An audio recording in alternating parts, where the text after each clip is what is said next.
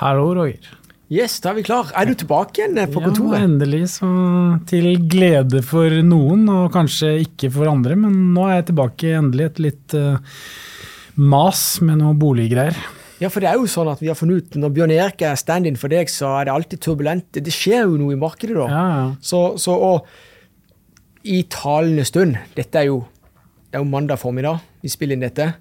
Så markedet starta jo rett ned i dag, men mens vi snakker nå, så er vi jo plutselig, i pluss. Mm. Så det skyldes kanskje for at du er tilbake i stolen?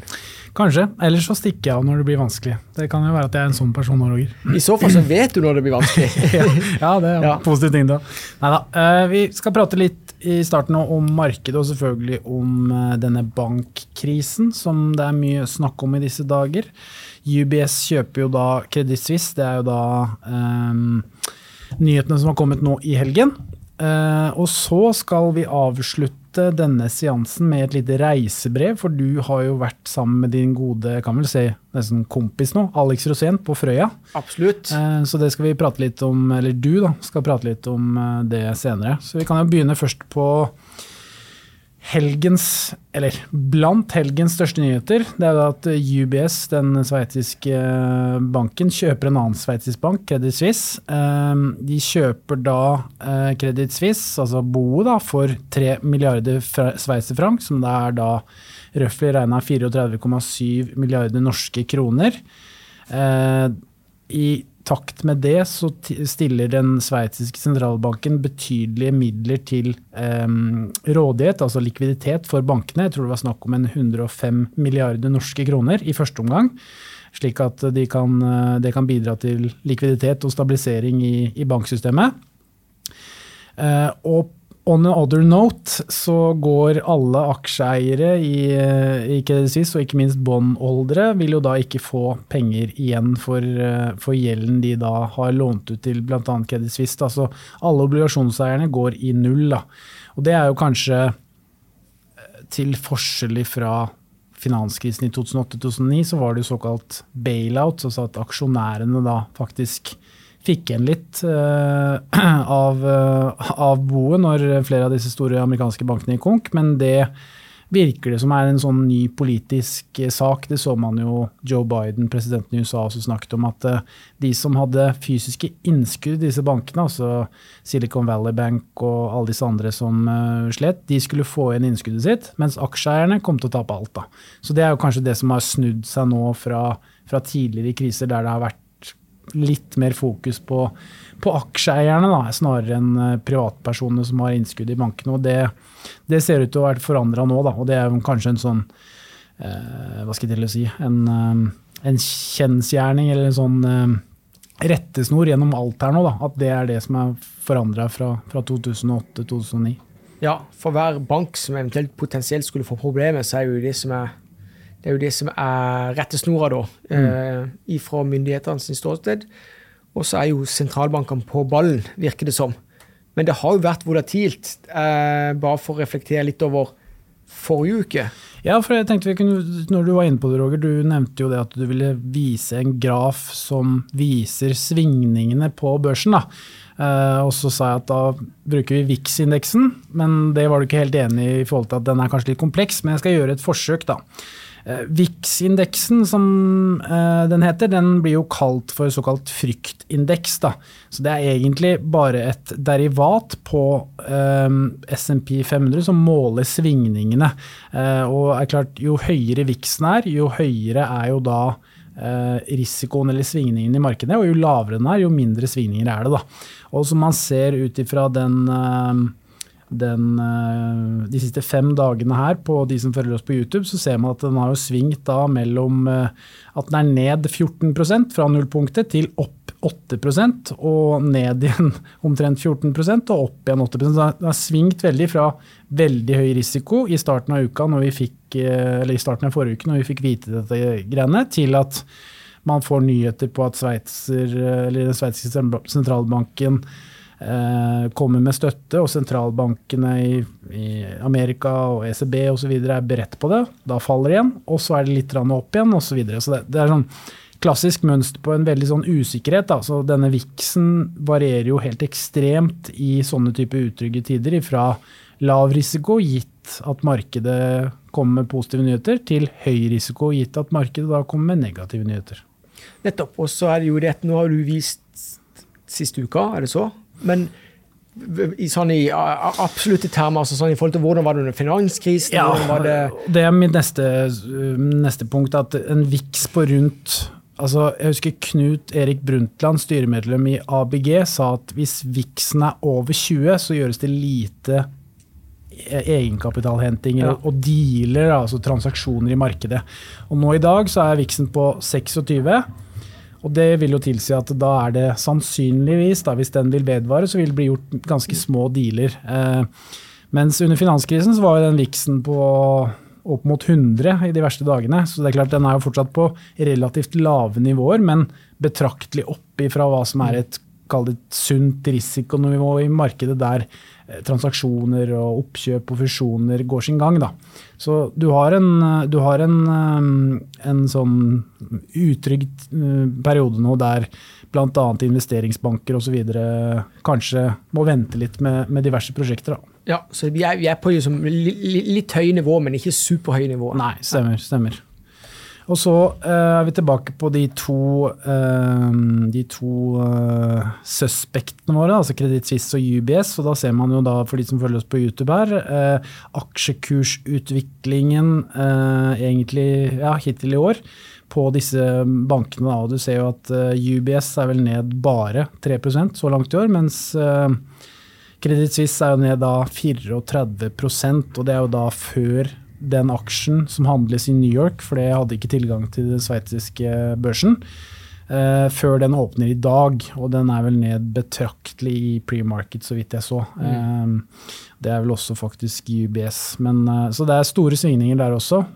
men det som vi vet i dag, er i hvert fall at UBS tar over Kreditt Suisse som et oppkjøp, og nuller ut av obligasjonseiere og således aksjeeiere. Vet ikke hvordan den splitten der blir hvis du eier aksjer i Credit Suisse og, og blir overtatt av, av, um, av UBS om du får aksje eller om du får et kontantinnskudd. Det er jeg litt usikker på, men obligasjonseierne i hvert fall, de får ingenting. De får ingenting, ja. Oljefondet, vet du det? Har, er det oljefondet investert i? De har uh, eierandeler i Credit Suisse, ja, og UBS. Og det er fordi at de, jo de har et indeks Altså et tilnærmet indeksfond, så de, de, er investert i, i litt alle, antageligvis er derfor. Ja, altså det er jo blessing and a curse med å være verdens største privateide fond, da, eller verdens største mm. fond. At du har jo eierandeler i alt mulig. Og de hadde vel også eierandeler, eh, noe i hvert fall, i den der Silicon Valley Bank. Jeg mm. lurer på om de kom seg ut ganske kjapt der. Men, eh, men uansett så har de jo også når det skjer store ting i Hva, verden Kom seg ut kjapt, jeg er usikker på det, for ble ikke de aksjene nulla gjennom helga? Jo, eh, men om det kom seg ut i løpet av Det er jeg litt, litt usikker på. Men fredagen, ja. Ja. uansett, når du er en så stor investor som oljefondet, så vil du tjene masse penger på at det skjer positive ting i markedet, og du vil tape penger på, på negative mm. ting. Da. Men i sum så vil jo den bankkollapsen i USA være svært liten for oljefondet. Da. Ja. Men det positive med Nicolai Tangen da, og hans analogi på at han håper på at uh, oljefondet skal bli mer aktivt, er jo nettopp å unngå situasjoner som dette. At man da sitter, uh, sitter litt mer på um, fram, framsiden av stolen holdt jeg på å si, og følger litt tettere med da, og aktivt forvalter da pengene, sånn at du skal slippe sånne type blemmer eller bomber som, som dette. da. Ja, du tror, du tror, det kommer til å bli mer aktivt i framtida, kanskje? Ja, det er det han har uttalt, i hvert fall. Mm. Eh, og det er jo nettopp for å egentlig mm. passe mer på pengene våre. da. Én ting er jo å ha det i indeks og, og, og, flyte med markedet som man har gjort med spesielt Ingvild Slyngstad. Men, men nå er jo det fondet blitt så voldsomt stort at det kanskje er en god idé å begynne å bevare verdiene kontra å skape så ekstremt mye mer avkastning på de pengene. Ja, Det har du det med diversifisering. altså det er Buffett sitt, eh, sitt investeringsselskap Berkshire Hathaway de er halvparten i verdi, men de har jo bare en brøkdel av antall innehav, altså selskapet de har investert i. Så, så, det er ikke sikkert at de trenger like kraftig eh, altså spredning som de har nå. Nei, det er én ting. En annen ting er at det er jo altså, return on equity, eller avkastning på egenkapitalen, blir jo vanskeligere og vanskeligere å få høy jo mer penger du har, naturlig nok. Da. Så det også er jo en en problemstilling som oljefondet bl.a. må jobbe mye med framover, vil jeg tro. Ja. Bra, Roger. Da tror jeg vi ja, det er ti minutter om markedet. Det tror jeg holder. og ellers så... Det, det, altså det vi kan si, det er jo det at um, i denne uka så vil det meste altså Det handler selvfølgelig om, om situasjonen i, uh, i, i, altså i, banksektoren. I, banksektoren.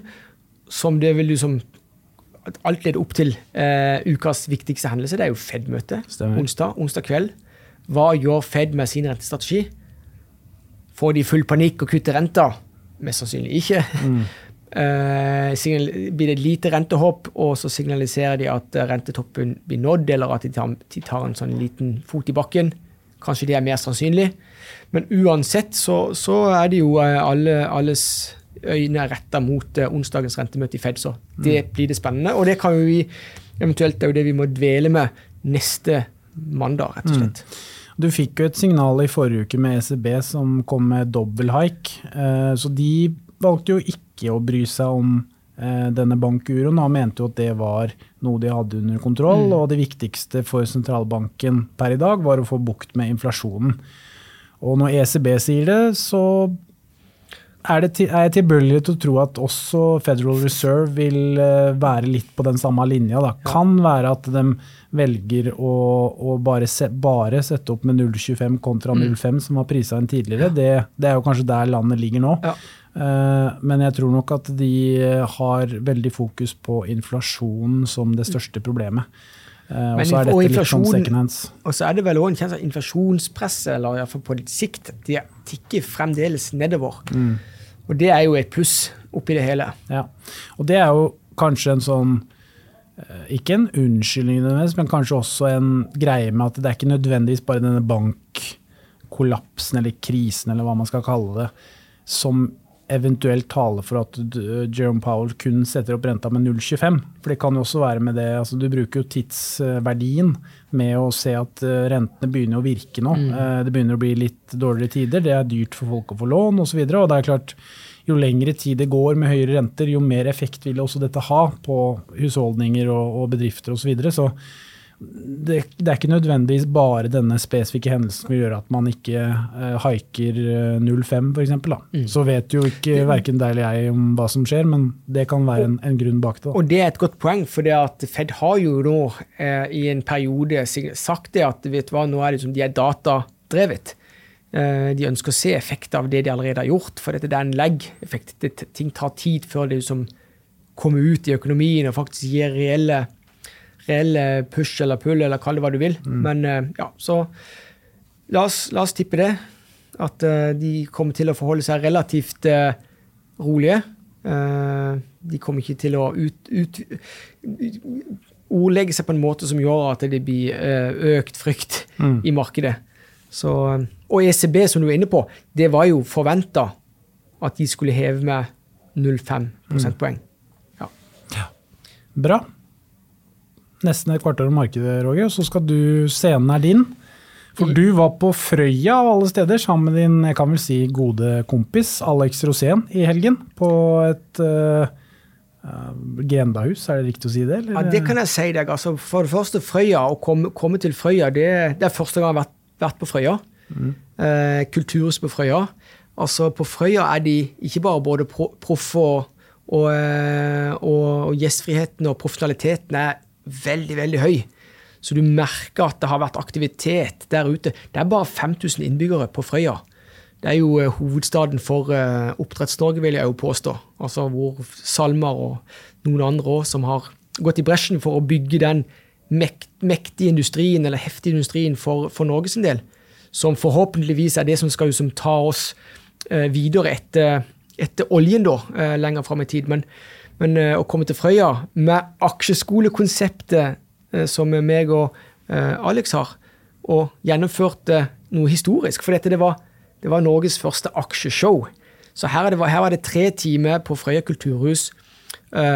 masse god stemning i salen. tre timer med show altså hvor det er morsomheter. nærmest litt sånn standup-aktig. Alex Rosén er jo ekst ekstrem, ekstrem eh, proff showman, som nå i, i, denne settingen drar, drar henta meg, som er litt mer nøktern, inn i dette universet. Så jeg syns det var kjempeartig. Dro Og- du noen vitser utover kvelden her Og, eller? og, og det er, du, du, kjenner jo, eh, du kjenner jo meg at jeg er kanskje litt annerledes på, på bakrommet enn det er i det offentlige rom. Eh, Så jeg er jo Jeg prøver jo Jeg, liker jo humor. Sånn at å kombinere humor eh, og investeringer og dette med aksje og tenke oppførsel som en eier Du skjønner jo òg at eh, det er de som lever og ånder for denne, i denne Buffett-verdenen. Det er jo mye humor der òg. Eh, Så, så, så ja, det var kjempegod stemning. Vi fikk kjempegod respons. Eh, Så vi, ser, vi ser fram imot å ha flere sånne aksjeshow i Norge. Det er det ene. Dette er jo på jo som å Det er jo denne, denne bølga som vi er en del av, altså hvor, hvor vi har Det er så mange ekstremt flinke i den yngre garde som sparer og tenker oppførsel som eiere i aksjemarkedet. Så, så dette gleder vi oss til å ta, ta videre. Så det blir Og- sånn omreisende sirkus, ja. Det blir, planen. omreisende sirkus, så, Ja. så, men, men responsen var god. Kjempegod. Det og og det, er, det er noe som vi tar, eh, tar med oss. Og, og for mitt vedkommende, som, som, eh, som har du vet, eh, Som jeg sa der oppe, jeg, jeg, jeg liker fiske, men ingen fisker. Jeg liker eh, havbruksnæringa, men jeg er ingen oppdretter. Sant? Altså, jeg er analytiker som, eh, som går dette Buffett-sporet, hvor du, du ser på eh, kan du være investert i de beste selskapene, de med høyest kvalitet, bare sitte der over lang tid, og hvilken effekt vil det få. Så, så, så det, jeg følte meg definitivt hjemme på Frøya. Ikke bare det at landskapet der er jo født og oppvokst på den Listehalvøya, ute i havgapet hvor det er litt, det blåser litt. Eh, Så sånn sett følte jeg meg hjemme, men bare jo som den atmosfæren og, eh, og, eh, og energien som var der. Og du ser effektene, ringvirkninger av det at de har skapt noe. For meg var det å komme inn altså Det, det var topp. altså det som, det som står igjen her, for min, mitt vedkommende, det er at det var ut, alle, de, alle de som helt oppriktig møtte det, var, det var en profesjonalitet, det var en altså seriøsitet, altså denne gjestfriheten og, og, eh, og detaljfokuset. Det var, det var imponerende. Hvordan var stemningen eh, for Senterpartiet? Ja, det er jo òg altså litt uh, morsomt, for det at uh, vi, meg og Alex jo Vi fløy jo selvfølgelig Norwegian. Uh, Fullbooka på Norwegian både til Trondheim og tilbake igjen. Men på tilbaketuren eh, Senterpartiet hadde jo eh, landsmøte eh, i, i Trondheim. Eh, hvem, satt der sammen med hele Senterpartiet på vei tilbake til Oslo? Det var jo meg Alex og Alex sin manager sammen med ja, Senterpartiet, da. Ja. Så det var jo så det var noen lange blikk der, merka jeg. Ga du, ga du Vedum en lekse da, på en liten times tid, eller? Ja, du vet, du vet at eh, vi, vi altså, Ta, ta, ta Rosén. Altså, han kan tilsynelatende virke som en uh, løs kanon, men han er jo, han er jo helproff i, sitt, eh, i sitt virke, eller sitt yrke. Og, eh, så, så begge to, både meg og han, er jo, er jo helproffe. Sånn at det, det, ble, det ble ingen slåssing på flyet. Nei, men det er bra. det er godt å høre. Bra, Roger. Da tror jeg vi, vi sier takk for denne uken. Og så ønsker vi alle sammen en riktig god uke. Tusen takk for at du hører på, og så prates vi igjen neste uke. Ha det bra.